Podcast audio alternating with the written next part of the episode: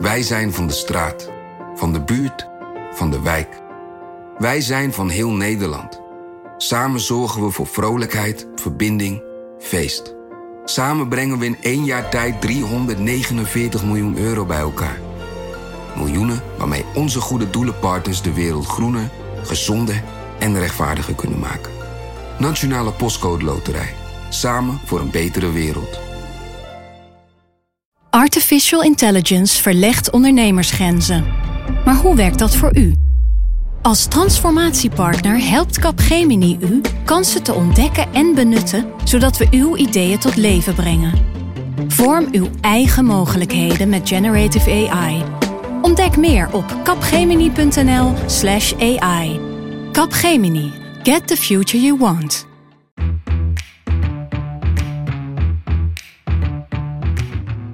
Dit is Haagse Zaken. Mijn naam is Lemia Aharouai.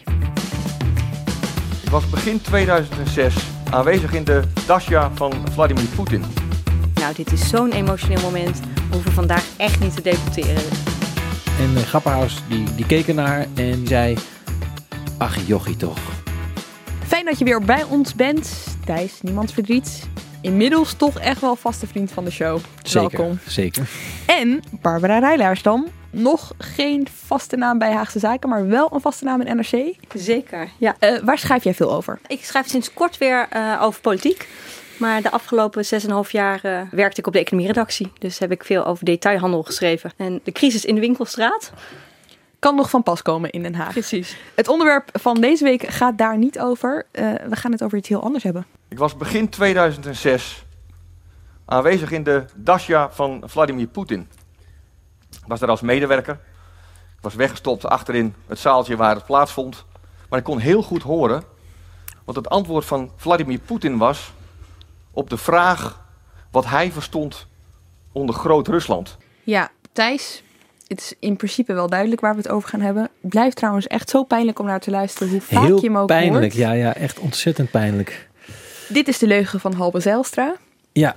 Waar gaan wij het over hebben? We gaan het hebben over zijn val door deze leugen. De gevolgen daarvan. En uh, ook nog een ander probleem voor de VVD.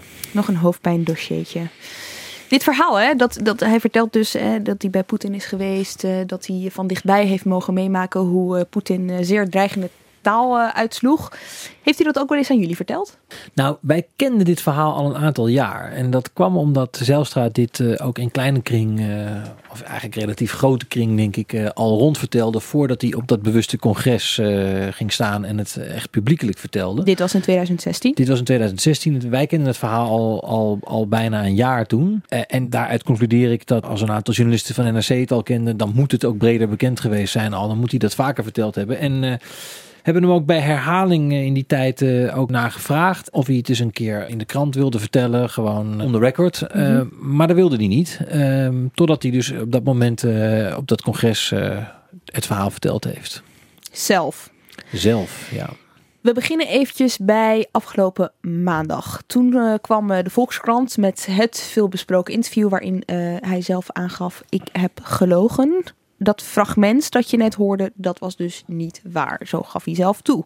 Iedereen dook erop, iedereen was verontwaardigd, behalve de coalitie. Hij heeft een bron willen beschermen. En daar heeft hij een route voor gekozen die onverstandig is, dat zegt hij zelf ook. Maar de inhoud staat niet in discussie. Maar hij had het niet zo moeten doen. Dit is even lastig voor hem.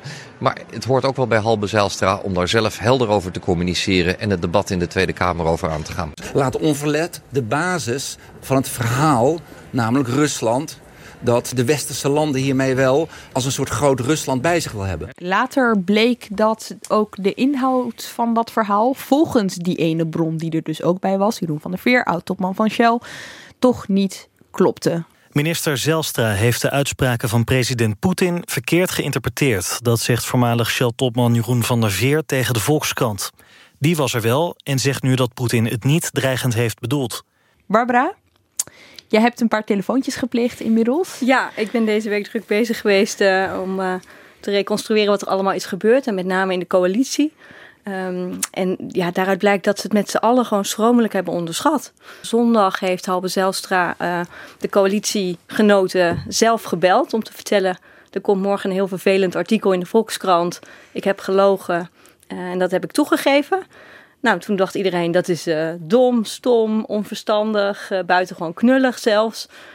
maar ze dachten het zal wel overwaaien. Daar komt hij wel overheen. Het zal een vervelende week worden, pittig debat, maar dit moet hij kunnen, kunnen redden. Volgens mij was de verdedigingslinie die ze hadden opgebouwd de gedachte van uh, wat je Pechtold hoorde zeggen uh, van ja, maar het verhaal zelf klopt. Hè? Hij heeft het dan weliswaar ja. over gejokt dat hij, dat, hij, dat hij erbij was, maar het verhaal zelf klopt. De inhoud staat. De inhoud staat. Ja. Nou ja, vervolgens uh, weer sprak Jeroen van der Veer ook dat de inhoud stond. Uh, en daarmee was natuurlijk uh, eigenlijk zijn laatste verdedigingslinie verdwenen.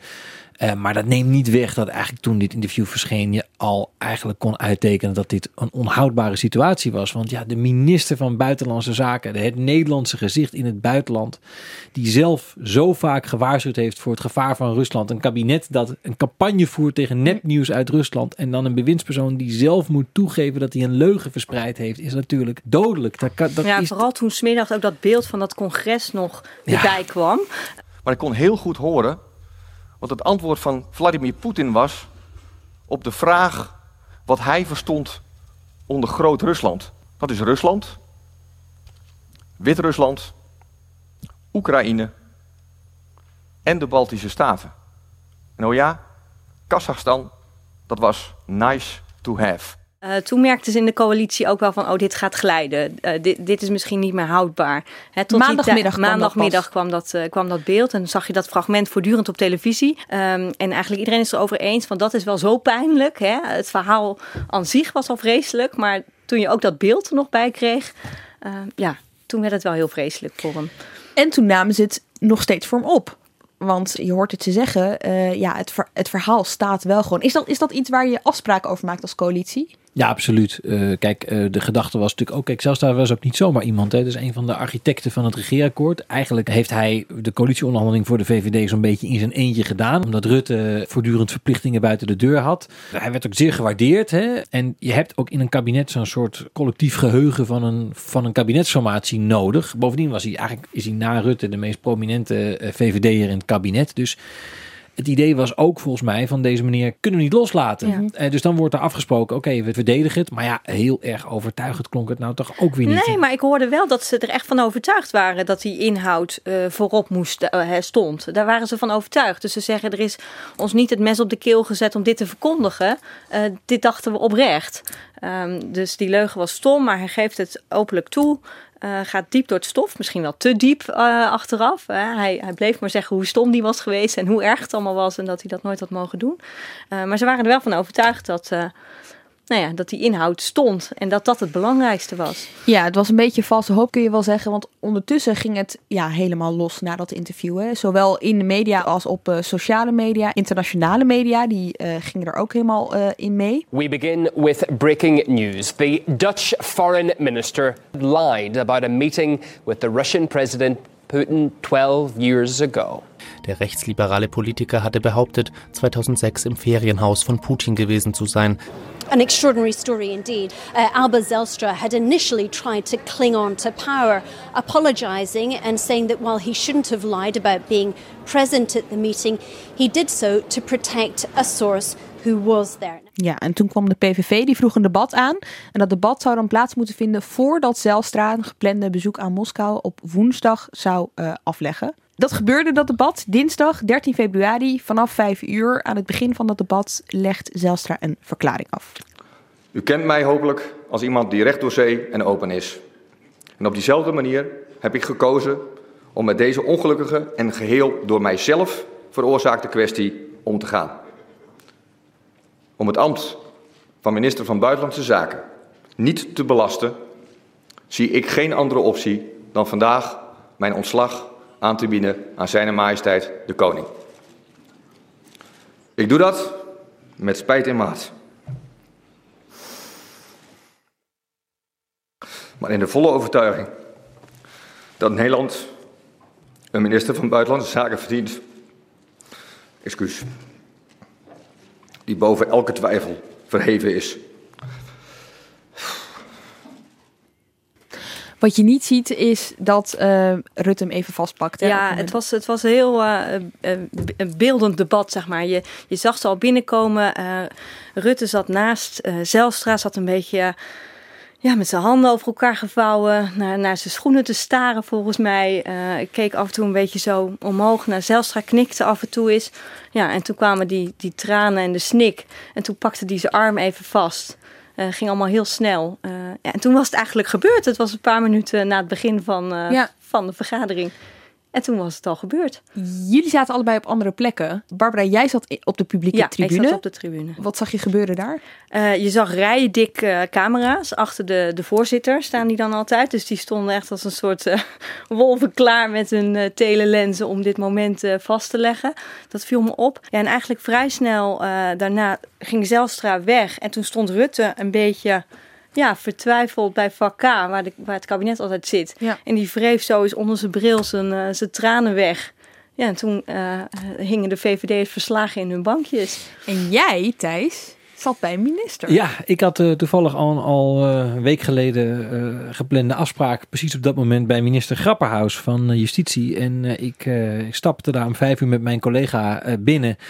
En we waren nog niet binnengekomen. Uh, of er kwam een bode langs en die zei tegen Grapperhaus: Minister, minister, hij is afgetreden. Uh, waarop de tv aanging in de werkkamer. En we midden in uh, het emotionele verklaring van Zelstra vielen. En Grapperhaus die, die keek ernaar en schudde met zijn hoofd. En die zei: Ach, jochie toch. Toen zei hij nog een keer: Ach, jochie. Toen kwam er een shot van de VVD-fractie. Toen zei hij: Ach, kinderen. Oh. Hij was duidelijk uh, aangedaan. Ja. Uh, hij vertelde ook daarna uh, dat hij heel goed met Zelstra was. Dat het eigenlijk zijn maatje in het kabinet was. dat ze elkaar niet kenden voordien. Maar dat ze eigenlijk heel close waren geworden in de afgelopen maanden. En dat hij dus nu op zoek moest naar een ander maatje. Maar het was een, ook voor ons gedenkwaardig moment.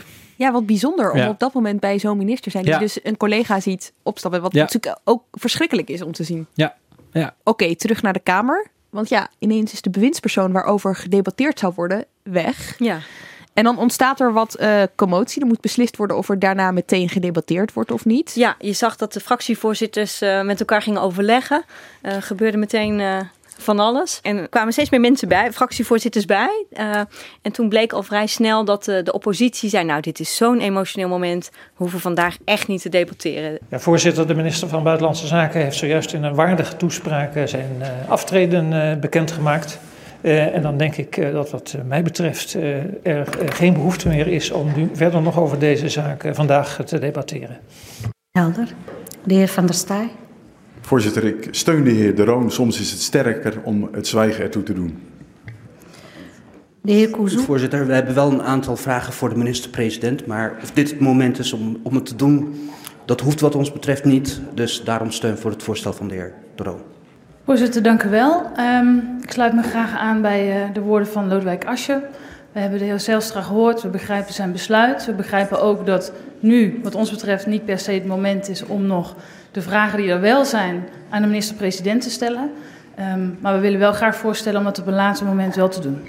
Uh, maar de coalitie zei nee, als we gaan debatteren, dan vandaag. Ja, het was ook heel bijzonder, want je zag dus uh, beelden ondertussen van uh, Rutte in vak K. In zijn eentje zat hij daar en die was echt, die zat met zijn vinger zo op dat bankje, voor, op dat tafeltje voor hem te slaan van als we gaan debatteren, dan moet het nu. Hij was Mhm. ook zo aan het mompelen van als het gebeurt, dan nu. En dan op een gegeven moment loopt Buma naar uh, de interruptiemicrofoon. Er wordt nu een beetje een schemersituatie gecreëerd van mogelijk komen we er later op terug. In een situatie waarin het gaat om dit aftreden van de minister vind ik dat onjuist. Dus of er zijn nu vragen te stellen aan de minister-president. Indien men vindt dus dat er een debat moet komen, dan zou dat nu moeten. Vindt men dat niet, dan vind ik niet dat je later het alsnog kan doen. En in die zin amendeer ik dat dus even. Dit is in mijn ogen niet van deze vier partijen een wens tot een debat. Nee, maar dat- indien anderen het willen, en 30 leden bijvoorbeeld willen dat, dan moet het nu. En niet ineens later nog, want dat vind ik niet recht doen aan het serieuze van dit moment. Ja, het serieuze van dat moment. Maar uh, Thijs, zijn er meer redenen waarom de coalitie het op dat moment wilde afmaken? Ja, kijk, ze wilde, ze wilde natuurlijk gewoon door de zure appel heen bijten. Uh, het was allemaal vervelend genoeg. Uh, ik denk dat ze ook wel een beetje aanvoelden dat Rutte het ook uh, niet makkelijk zou gaan krijgen in dat debat. Uh, maar ja, in de politiek geldt, uh, als iets als slecht nieuws is, dan maar meteen in één keer. En niet nog eindeloze publicaties in kranten, uh, columnisten, Ja, noem maar op. over een week. En dan twee, eh, drie weken later nog weer eens een debat waar het weer allemaal wordt opgerakeld. Dan huppakee, meteen, uh, meteen afrekenen ermee. Uh, wat ons betreft doen we het gewoon nu. En als die behoefte daaraan uh, toch niet zo groot is, vind ik het ook goed. Maar dan zullen wij later geen debat steunen. De heer Segers. Mevrouw de voorzitter, kortheidshalve sluit ik me aan bij uh, collega Dijkhoff. De heer Pechtold. Voorzitter, ook D66 sluit zich aan bij collega Dijkhoff. De heer Buma. En dat geldt ook voor de CDA-fractie die houding van die coalitiepartijen, dus dat ze tijdens zo'n debat zich best wel terughoudend moeten gaan opstellen, vinden ze dat niet heel erg moeilijk? Nee, dat valt mee. Ze hebben allemaal wel uh, een milde opstelling. Dat komt ook doordat ze uh, Halbe Zelstra dus goed kennen. Dus ze vinden hem aardig en dat heeft ook meegespeeld in hun wat mildere opstelling. Maar tegelijk beseffen ze bij de coalitie, ja, dit is de eerste grote crisis. Stel dat het een van onze bewindspersonen was geweest. Hadden we het dan fijn gevonden als de andere coalitiepartijen meteen hun handen ervan aftrokken. Ze, ik had niet de indruk toen ik van de week betrokkenen sprak dat ze daar heel veel moeite mee hadden. Het verhaal was toen zij de Kamer ingingen en geen minister werden, uh, juist heel nadrukkelijk. Wij gaan de Kamer in omdat wij niet klakkeloos het kabinetsbeleid over willen nemen, uh, onze eigen partijkleur willen uh, handhaven, allemaal van dat soort zaken. Het botst toch met elkaar? Ja, dat lijkt mij ook. Ik eh, ben ook benieuwd hoe dit uh, verder gaat en of ze, hoe lang ze dit gaan volhouden. Maar ze zien het dus zelf nog niet zo? Nee, voorlopig uh, vinden ze het wel, wel logisch dat ze zich aan deze ja, lijn houden. Het, is, het oogt toch nog steeds wat onwennig, ook dinsdag bij het debat weer. ja, ja Alexander Pechtold, die in de verdedigende stand staat en dingen goed praat en glad strijkt waar we hem tot nu toe toch altijd hebben gekend in de aanvalstand. Nou, en vooral in zijn bankje zat. Dat is al een, een heel groot verschil. En, ja. Uh, ja, het is, het is een, het is een andere rol. De oppositie genoot er wel van, van die rol. Dat was wel duidelijk te merken. Volgens de officiële lezing wist Rutte op 29 januari van die leugen. De coalitie wordt het net al, die kregen het op zondag 11 februari te horen, de dag voor de publicatie. Nou, wat heel bijzonder is, ze houden het op de week van de 29ste. In die week, wanneer was dat dan precies? Dat weet, weet ik niet meer. Dat weet hij ook niet. Kunnen we niet precies terughalen. Maar in die week heeft dat telefoongesprek plaatsgevonden. Uh, ik vind het heel bijzonder. Volgens mij moet je altijd kunnen achterhalen op welk moment de premier is ingelicht. Al, al zeg je nou, het was de dag dat ik daar naartoe moest. Of uh, je kunt het volgens mij altijd wel relateren aan een andere agenda-afspraak. Zeker Rutte, die over Zeker... een fenomenaal uh, geheugen beschikt. En de minister van Buitenlandse Zaken, die natuurlijk veel reist. En dus je weet precies, nou, die was toen op reis, toen in Den Haag. Dus het zal die dag moeten zijn geweest, ik noem maar wat. maar Rutte zei in het debat heel stellig: ik kan dat niet terughalen. Dus we houden het op de week van de 29ste. Wat is zijn belang daarbij om dat dan op die manier te doen? Geen idee, want het lijkt nu nog langer. Uh, hè? Want iedereen telt nu vanaf de 29ste, terwijl het aan het einde van die week was. De periode uh, dat hij was geïnformeerd totdat het naar buiten kwam korter is. Dus wat zijn belang is geen idee. En balen, balen ze bij de coalitie ervan dat hij toen ook niet aan hun heeft gezegd? Dat weet ik niet of ze daar. Uh, ze vonden het echt een VVD-aangelegenheid op dat moment nog. Is toch een beetje de Kamer was natuurlijk, hè, dat was ook het punt van Wilders. Die, en en uh, die, die kreeg wel bijval van andere oppositiepartijen. Die zeiden, nou, de premier had meteen de Kamer moeten informeren. Uh, waarom wachten op een publicatie in de Volkskrant? Is dat ook zo? Nou, kijk, je moet wel bedenken. Dit gaat, uh, de absolute politieke doodzonde is de Kamer verkeerd voorlichten. Een leugen vertellen aan de Kamer. Het gaat wel om iets wat Zelstra destijds als fractievoorzitter in een andere hoedanigheid verteld heeft op een partijcongres. Hè? Dus het is niet zo. Kijk, het heeft hele grote implicaties gekregen omdat hij zelf minister van Buitenlandse ja. Zaken werd. Dus eh, laten we zeggen, strikt genomen gaat die regel daar niet voor op. Van je moet, uh, zodra Rutte dat wist, had hij dat aan iedereen, had hij dat aan de Kamer moeten vertellen. Maar kijk, de ironie die hier natuurlijk in schuilt, is dat dit is begonnen als een klein leugentje, als een verhaal wat Zelstra rond is gaan vertellen wat hij uh, nou ja, herhaaldelijk heeft verteld. En op een gegeven moment, kijk, de bedoeling was eigenlijk dat er zelfs daar minister van Sociale Zaken zou worden in dit kabinet. Dat heeft hij zelf ook een aantal keer publiekelijk gezegd. Als dat was gebeurd, dan had waarschijnlijk nooit meer iemand naar dit verhaal geïnformeerd. En zelfs als het dan boven was gekomen, dan was het misschien nog, had het toch veel minder uh, uh, gro grote implicaties gehad ja, door een aantal spelingen van het lot eigenlijk werd het zo groot als het was. Ook uh, en door goed journalistiek werk van de Volkshand, maar en ook omdat het, uh, nou ja, de manier waarop hij en het ministerie daarmee omgegaan zijn. Vertel toen ze er vragen over kregen, was ook, ja, dat, ging, dat zwabberde ook een beetje.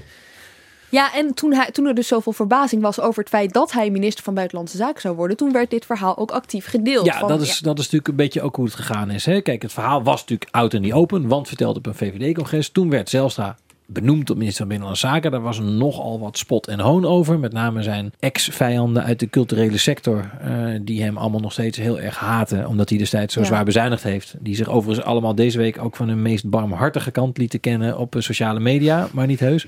Ehm, die, ehm, eh, ja, er was gewoon enorm veel ruis en gedoe over. En toen voelde de VVD zich genoodzaakt, de spindokters in de VVD, genoodzaakt om dit verhaal nog eens eventjes naar voren te brengen. Als bewijs van, kijk, deze meneer heeft wel degelijk buitenlandse ervaring. Ze hadden natuurlijk geen idee dat ze dus een le- leugen aan het Ja, verspreiden ik waren. ga ervan uit dat die voorlichters ook niet wisten dat dit een kletsverhaal was.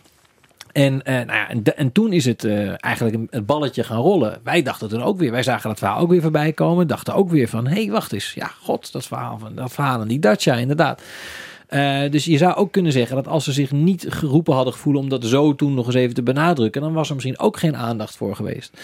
Eerlijk gezegd denk ik wel dat er vroeger of later, kijk, dit verhaal was er gewoon vroeg of later. Als het niet nu was gebeurd, dan was er misschien over een jaar was het nog een keer opgekomen. Er, was iemand op het idee gekomen om nog eens Ja. een keer navraag te doen. Even nog één ding waar ik, waar ik ook nog aan zit te denken. hè. Dijkhoff, Dijkhoff zou ook pas de zondag voor publicatie op de hoogte zijn gebracht. Ja, dat heeft hij in het debat gezegd. Ja, het schijnt dat de VVD ehm, eh, zondag het bel, of eh, dit afgelopen weekend het belrondje heeft gedaan. Dus zaterdag en zondag eh, wat mensen hebben ingelicht. Ja. Voor zover ik nu heb kunnen achterhalen. Eh, tijdens het debat werd door Ascher, eh PvdA-fractievoorzitter, gesuggereerd ehm, dat Rutte wel meer mensen heeft ingelicht. Deze minister-president is een control freak. Zeker als het gaat over beeldvorming. Ik bedoel dat niet per se alleen negatief, maar zo hebben we hem leren kennen. Het kan niet zo zijn dat als hij zoiets hoort, dit is niet een rotstuk, dit is levensgevaarlijk. Dat heeft hij zich gere- gerealiseerd. Anders had de beste Kamer wel even geïnformeerd. Dit moest gemanaged worden. Laatste keer dat ik het vraag. Durft de minister-president hier te beweren dat hij dat met niemand besproken heeft? Niet met zijn VVD-topcollega's bij het koelteoverleg, niet met algemene zaken, niet met adviseurs, niet met zijn politieke assistent. Mensen binnen de VVD zijn daar heel boos over dat hij dat op die manier deed. Ze zeiden, nou, er is geen sprake van en hoe durft hij dat te zeggen? Ehm, hij, hij, hij leek meer te weten en hij gaf de premier ook alle kans om te schorsen, om er nog even over na te denken. Maar Rutte bleef volhouden, nou, ik kan het me niet herinneren, Ehm, daar hoef ik niet voor te schorsen. Dan, eh, ja. dan blijf ik hierbij. Zijn alle vragen nu beantwoord voor jullie? Ja, de, de feiten liggen op tafel. Behalve dat gekke gedoe over waar wanneer in de week was het. Ja. Ehm, de, de grote vraag die onbehand, onbeantwoord blijft is waarom heeft Zelstra dit, is Zelstra zo dom geweest om dit te doen? Hij had het niet nodig. Hij, had, eh, hij, hij was overduidelijk een getalenteerde politicus met, die een prachtige carrière had. Hij had niet nodig om zichzelf zo groter te maken dan hij was. Dat is meteen ook de belangrijkste vraag. En waarschijnlijk ook de vraag die nooit eh, beantwoord zal Ja, worden. die hem vermoedelijk zelf ook eh, Ja, zal, zal blijven, blijven kwellen. bezighouden, ja. ja. Hoe beleven ze dit bij de VVD? Want het is natuurlijk allereerst een persoonlijk drama. Ja, zeker. Uh, voor Halbe Zelstra, die zit nu ineens thuis. Die had eindelijk zijn droombaan uh, en, en die is hij nu kwijt. en bij de VVD hebben ze het dus helemaal onderschat en moeten ze nu ineens op zoek naar een, naar een opvolger. Het is, ja, Zelstra was ook, daar ging het net ook al over, natuurlijk gewoon de tweede man van de, van de VVD in het kabinet. Architect van het regeerakkoord, belangrijke steunpilaar van Rutte. Wat je ook niet moet vergeten is dat hiermee Rutte eigenlijk zijn laatste echte intimus is kwijtgeraakt. Uh, er is een groep mensen met wie hij eigenlijk uh, van, uh, ook vanaf de tijd dat hij nog geen premier was en oppositieleider heel nauw heeft opgetrokken. En die zijn allemaal in de loop van der jaren vertrokken, dan wel hebben moeten aftreden. we hadden Roosentaal, we hadden Opstelten, we hadden Schippers, we hadden Hennis. Zelstra was eigenlijk de laatste daarvan. En die is nu ook weg. En ja, dan wordt het wel heel eenzaam rondom, rondom de leider. En verder is het zo, ja, Um, het onder, onderhand traditie te worden. Ieder jaar rond deze tijd uh, treedt er een, uh, treedt er een VVD-minister af. Uh, twee jaar geleden hadden we, drie jaar geleden hadden we Opstelt en Teven. Vorig jaar hadden we Van der Steur. We hebben nog Hennis gehad. Ja, de, ik zag iemand op Twitter van de week die, die somde alle afgetreden bewindspersonen op. En schreef daarbij, voor het eerst heb ik, begrijp ik waarom je in Twitter nu 280 tekens hebt in plaats van 140. Nou, wat je ook hoort binnen de coalitie aan andere pad. wat jij al een paar keer zegt, van hij is een van de architecten van dit kabinet. Er zijn natuurlijk een heleboel afspraken gemaakt uh, tijdens de onderhandelingen voor dit regeerakkoord. Maar niet alles staat zwart op wit. Mm -hmm. Dus je hebt soms die onderhandelaars zelf nodig, die architecten, om te bespreken van waarom hebben we dat ook weer precies zo opgeschreven? Weet jij nog wat daarachter zat? Mhm. Hoe hadden we dat ook alweer geïnterpreteerd? Eh, het staat niet altijd eh, letterlijk in het regeerakkoord. Ehm, nou, bij D66 en de ChristenUnie hebben ze natuurlijk de partijleider in de Kamer zitten en de onderhandelaar, de secondant, zit eh, in het kabinet. Dus Wouter Koolmees en Carola Ja. Schouten zitten beide in het kabinet. Die hebben mee onderhandeld. Halbe Zijlstra zat ook in het kabinet, maar de VVD heeft nu... CDA eh, ook niet trouwens. CDA hè? Want ook de twee, niet trouwens. Geen van de twee onderhandelaars daar, Buma en Heerma, Ja, zitten zitten, in zitten het kabinet. Dus het collectieve geheugen in het regeren van, het, van de formatie in, de, in die kabinetsploeg is nu heel dun en klein geworden. Ja. En zeker bij een heel ingewikkeld, ingewikkeld regeerakkoord waar zeven maanden over is onderhandeld met vier partijen, is dat toch wel Ja, ook heel een van mijn bronnen zei Monter, maar hij is niet dood. Hè? We Ja, kunnen hem nog wel bellen. nou ja, dat is misschien zo, maar de vraag is natuurlijk wel hoe snel je iemand gaat bellen. Hoe hoog is de drempel om, om te bellen en te zeggen, Halbe Zelstra, hoe zat dat ook alweer met paragraaf eh, 4.2. Ja, ja, 4.2? ja, ja. Maar ook in de fractie. Hij is natuurlijk gewoon VVD'er. Hij is daar heel lang fractievoorzitter geweest. Thijsje zegt het net al. Er is een hele lijst aan VVD'ers inmiddels weggestuurd of opgestapt. Wat doet dat met zo'n fractie?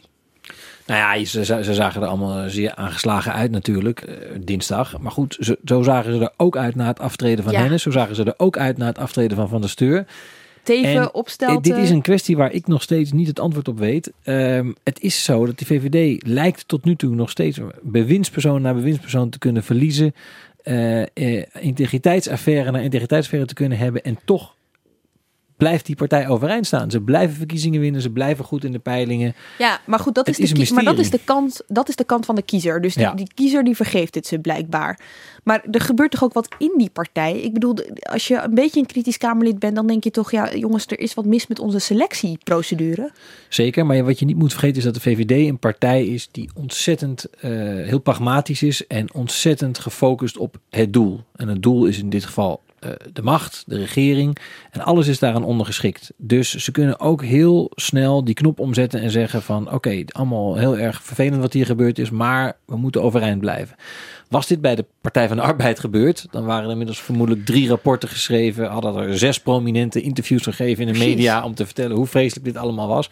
Maar de VVD is daar toch, ondanks alles, heel erg gedisciplineerd in. En pragmatisch boven idealistisch Ja, dus niet. Dus eh, er is gewoon weinig neiging om eh, eh, hè, te gaan soul searchen en om te gaan zeggen van ja, hebben we dat nou wel goed gedaan? Moet dat nou niet anders?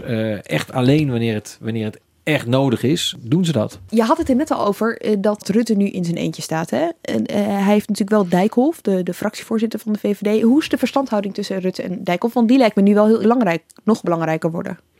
Nou, de verstandhouding tussen Rutte en Dijkhoff is goed. Eh Dijkhoff is ook een hele loyale eh, politicus die ook heel goed snapt dat als hij ooit eh, zelf de leider van de VVD wil worden, en hij is nu daar toch de meest voor de hand liggende kandidaat voor, dat hij Rutte ook niet voortdurend heel moeilijk zal moeten gaan maken. Eh, maar goed, er staat tegenover dat hij ook, hij zal ook zijn eigen gezicht moeten laten zien. Dus daar komt vroeg of later komt daar wel spanning op de lijn. Dat gebeurde ook eh, in de tijd dat Zelstra fractievoorzitter was natuurlijk tussen hem en, eh, en Rutte. Eh, in ieder geval, ik weet niet met jou is Barbara, maar ik heb, ik heb niet gehoord dat daar door deze affaire, althans tot nu toe, ehm, dat daar schade in is opgelopen in die, in die relatie. Nee, heb ik ook niks van gehoord. Nou, Z- Zijlstra weg. Ja. Die moet vervangen worden door een andere VVD-minister. Wie is er over? Ja, er gaan allerlei namen rond. Eh, de vraag is natuurlijk altijd of de namen van de mensen die rondgaan, of die het nou echt, eh, hè, of die het nou zullen worden. Maar je hoort heel veel de naam van, eh, van Janine Hennis, de oud-minister. snel al? Zo snel al, de oud-minister van Defensie. Ehm, tegelijk hoor ik binnen de partij ehm, dat, ze, dat ze daar grote twijfels over hebben. Zij is Ehm, opgestapt wanneer? Oktober September of november? oktober vorig jaar. 3 oktober 2017. Ja, na het onderzoek naar het mortierongeluk in Mali, waarbij twee militairen omkwamen. Ehm, zij is toen opgestapt, dus dat is nog vrij vers in het geheugen. Eh, en ik hoor geluiden dat ze ja, voorzichtig zijn. Ze willen haar niet meteen beschadigen. Hè? Als, ehm, nu vraagt iedereen zich af, is het niet te snel? Eh, kan zij al terugkomen? Ja. En als die vraag steeds maar gesteld wordt, dan, dan begin je al met een achterstand. Ja. Dus dat zouden ze haar misschien niet willen aandoen. En Hand en Broeken? Is dit zijn herkansing? Het Kamerlid Ja, Hand en Broeken is natuurlijk, eh, het, het, het, dat is natuurlijk eigenlijk de grote buitenland-expert van de VVD. Was natuurlijk ook voor hem een beetje pijnlijk dat Zelstra die baan kreeg, omdat hij nou eenmaal aan de beurt was en hij niet. Uh, ja, over het algemeen is er een soort Haagse wet die zegt... als je drie keer gepasseerd bent, dan gaat het nooit meer gebeuren. Een beetje zoals met uh, die 10 kilometer van Sven Kramer.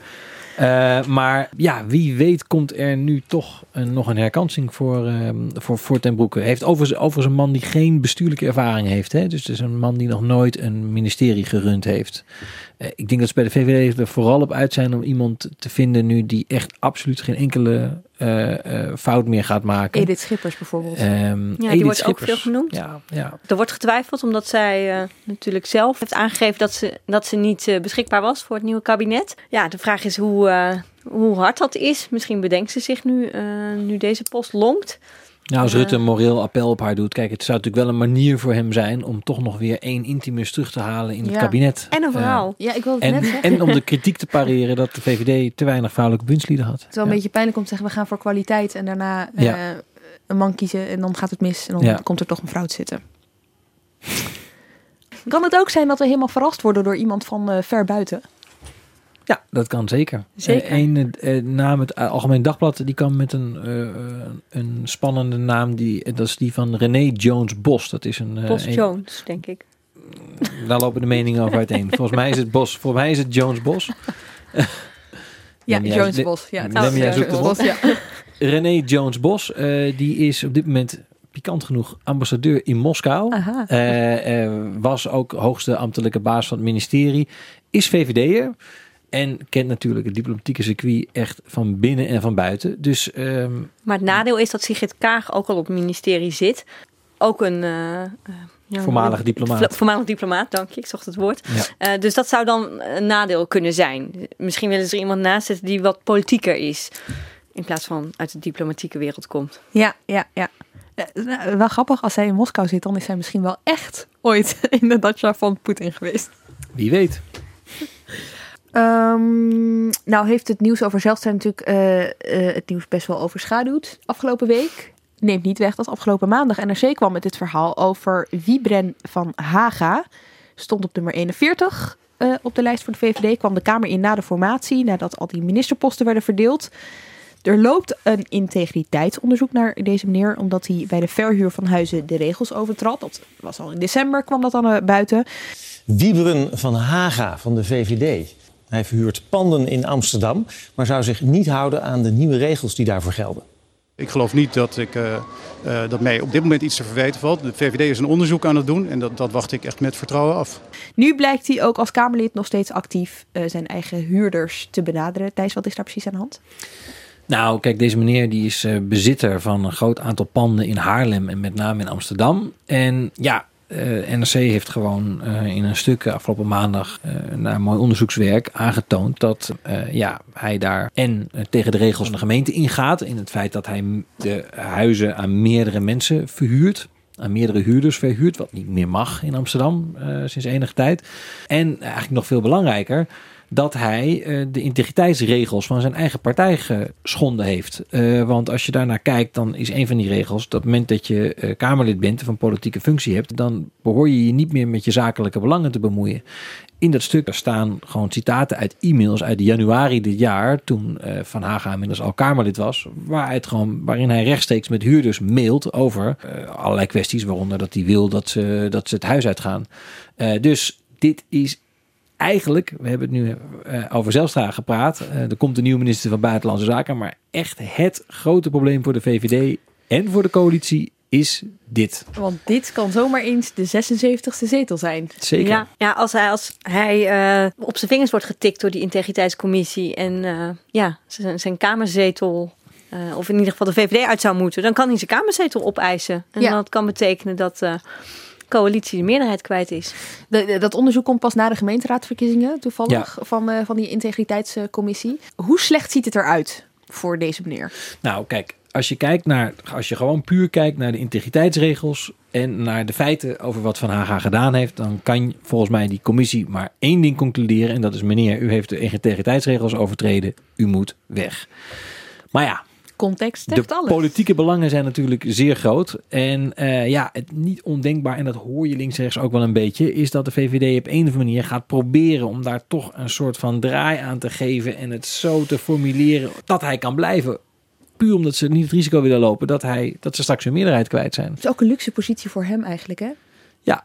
Want Ja. hij weet dat zij niet zonder hem kunnen. Ja, dus eh, Als hij eh, straks ineens een hele mooie portefeuille heeft, dan weten we hoe dat komt. bijvoorbeeld. hij is ook nog eens financieel onafhankelijk. Dus eh, hij, hij, hij hoeft niet eens te blijven. Dus hij kan daar gewoon, hij heeft daar enorm zeggen, mentale, mentale ruimte. Eh, je zou het misschien een beetje kunnen vergelijken met de kwestie Moorlag in de Partij van de Arbeid. Dat was de meneer, die is Kamerlid voor de Partij van de Arbeid. Die had in een vorige leven bij een sociale werkplaats had hij mensen eh, op flexcontracten gezet. Precies iets waar de Partij van de Arbeid nou juist heel erg tegen is. Daarvan zou je ook kunnen zeggen, strikt genomen, eh, als we practice what you preach, deze meneer hoort niet in de fractie als hij dat gedaan heeft. Maar ja, daar speelde ook dat het wel zeer pijnlijk zou zijn als de Partij van de Arbeid van negen zetels, die arme tierige negen zetels, dan nog maar acht zou overhouden. Dus daar werd ook een soort formulering gevonden van ja, het klopte niet, het deugde niet. Want maar hij dreigde zijn zetel op te hij eisen. had ook laten merken eh binnenskamers dat hij ook zijn zetel zou, eh, zou behouden. En dus daar werd een soort formulering gevonden waarin gezegd werd: de intentie was goed, dus daarom mag hij blijven. Ja, en het belang bij eh, eh, Van Hagen is natuurlijk nog groter, omdat hij dus daarmee de boel aanvankelijk kan zetten. Aan de andere kant weet het kabinet eigenlijk niet dat ze de SGP sowieso altijd achter zich hebben. Of is dat eh, te makkelijk gedacht? Ja, dat, dat is denk ik iets te, te makkelijk gedacht. Omdat het is in feite natuurlijk wel zo dat de SGP op heel veel onderwerpen zal meestemmen met het kabinet. Maar zeker weten doe je het niet. En dit is het jaar dat het kabinet eigenlijk al zijn grote wetgeving door de beide kamers wil gaan loodsen. Ehm, dat zullen ze niet willen doen als ze niet van tevoren de zekerheid hebben dat ze, dat ze een meerderheid hebben. Dus dan beland je in een situatie dat ze toch zullen moeten gaan onderhandelen met de SGP. Eh, dat SGP met hun drie zetels enorm veel toezeggingen zullen kunnen binnenhalen. Dat ze misschien zullen verknopen met andere dossiers. Als het gaat om levensbeschouwing, ethische kwesties. En dat het kabinet zich uiteindelijk dus in een positie belandt. eh, van onderhandelen met een soort constructieve oppositiepartij. Waar ze juist absoluut geen zin meer in hadden na de vorige Ja. periode. Omdat het zo vreselijk veel politiek energie en gezeur en eh, politiek krediet kostte. En de formatie heeft al zo lang geduurd. Ja. Ja, nou is het natuurlijk altijd goed om even eh, terug te gaan naar het verleden. Eh, bij Zelstra was het heel duidelijk, eh, al is de leugen nog zo snel, de waarheid achter eh, haalt hem wel. Bij eh, Van Haga zou je een soort gelijke redenering kunnen volgen. Hij was namelijk raadslid in Haarlem voordat hij Kamerlid werd. En er was ook een soort integriteitskwestie met een van de wethouders daar, Ewout Cassé. Daar liep toen ook een heel onderzoek naar. Er was een heleboel eh, gedoe over. En eh, een oude aflevering van Politicologica, eh, die heeft zich daarop gericht. En dan hoor je dus het raadslid van Haga over integriteit en over ondernemers. Het grote risico is van, ja, van slechte ondernemers die in de, in de politiek terechtkomen. Die gaan, eh, die gaan als een dolle tekeer. En er, er gebeuren ook wel goede dingen. Maar je hebt een groot risico dat er hele grote fouten gemaakt worden. Het risico dat er hele grote fouten gemaakt worden. Op zich wel goed nieuws dit voor de VVD. Want als hij zo'n inzicht hierover Ja. heeft, dan kan hij natuurlijk denken, ik stap gewoon zelf op. Maar dit is dus iets, eh, dat, dat, dat onderzoek dat komt pas na de gemeenteraadsverkiezingen. Ja. Wat gebeurt in de tussentijd? Ehm, in de tussentijd willen ze volgens mij eh, deze kwestie zo klein mogelijk houden bij de VVD. Maar ja, wie weet wat, ehm, wat journalisten verder nog boven gaan halen. Oeh, dat Ehm, klinkt heel onheilspellend. Er, is, ehm, ja, er is gewoon iets echt heel lelijk misgegaan. eh, ook bij de recrutering bij de VVD. Ze hebben daar gezegd, eh, ja, ze waren extra gericht op eh, het vermijden van integriteitsconflicten. Na al die toestanden in de vorige kabinetsperiode. Het is ook een aantal keer hardop gezegd. Hebben ze dat gezegd bij de kandidatencommissie. Van we hebben daar een extra check op. En er is dus niemand die gezien heeft dat ze daar een meneer op een verkiesbare plek hadden staan. Die de fractie in zulke grote problemen zou kunnen brengen. Nou, bij de VVD willen natuurlijk graag ondernemers in de Kamer hebben, omdat dat ook een groot deel van de achterban is. Nou ja, als je uit het bedrijfsleven komt, daar is. Er gebeuren gewoon dingen en er is misschien bijna altijd wel iets te achterhalen over die bedrijven. Ehm, maar ja, wat betekent dat? Kan je geen ondernemers meer eh, op verkiesbare plaatsen zetten? Dat, dat zullen ze bij de VVD ook niet willen. Dus ik vermoed dat ze heel erg aan het zoeken zijn hoe ze daarmee om moeten gaan. En ik kan me voorstellen dat ze bij de coalitie er ook een beetje zenuwachtig door worden. Want dit gaat hen natuurlijk ook direct aan. Zeker, die andere partijen zullen hier not amused over zijn. Eh, en die, zullen, die zullen zoiets hebben van jongens, die 76 zetels, hartstikke wankel. Wat flikken jullie ons nou? Ja. Eh, het is ook onze coalitie. Wiebren van Haga. Onthoud die naam de komende weken dus. Dank jullie wel. Eh, Barbara Rijlaarstam en Thijs Niemands Verdriet. Dank ook voor het luisteren. Volgende week, dan zijn we er weer.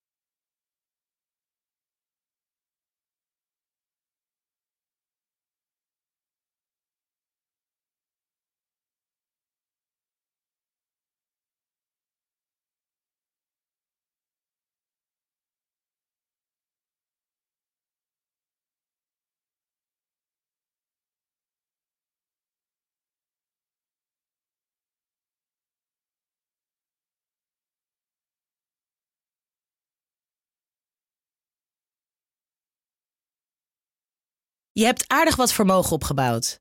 En daar zit je dan, met je ton op de bank. Wel een beetje saai, hè? Wil jij, als belegger, onderdeel zijn van het verleden of van de toekomst? Bridgefund is een slimme fintech die een brug slaat tussen de financiële behoeften van ondernemers en van beleggers. Dus wie belegt bij Bridgefund krijgt niet alleen een mooie vaste rente, maar brengt ook ondernemers in beweging. Echt waar, met die ton kan je zoveel betere dingen doen. Bridgefund. Make money smile.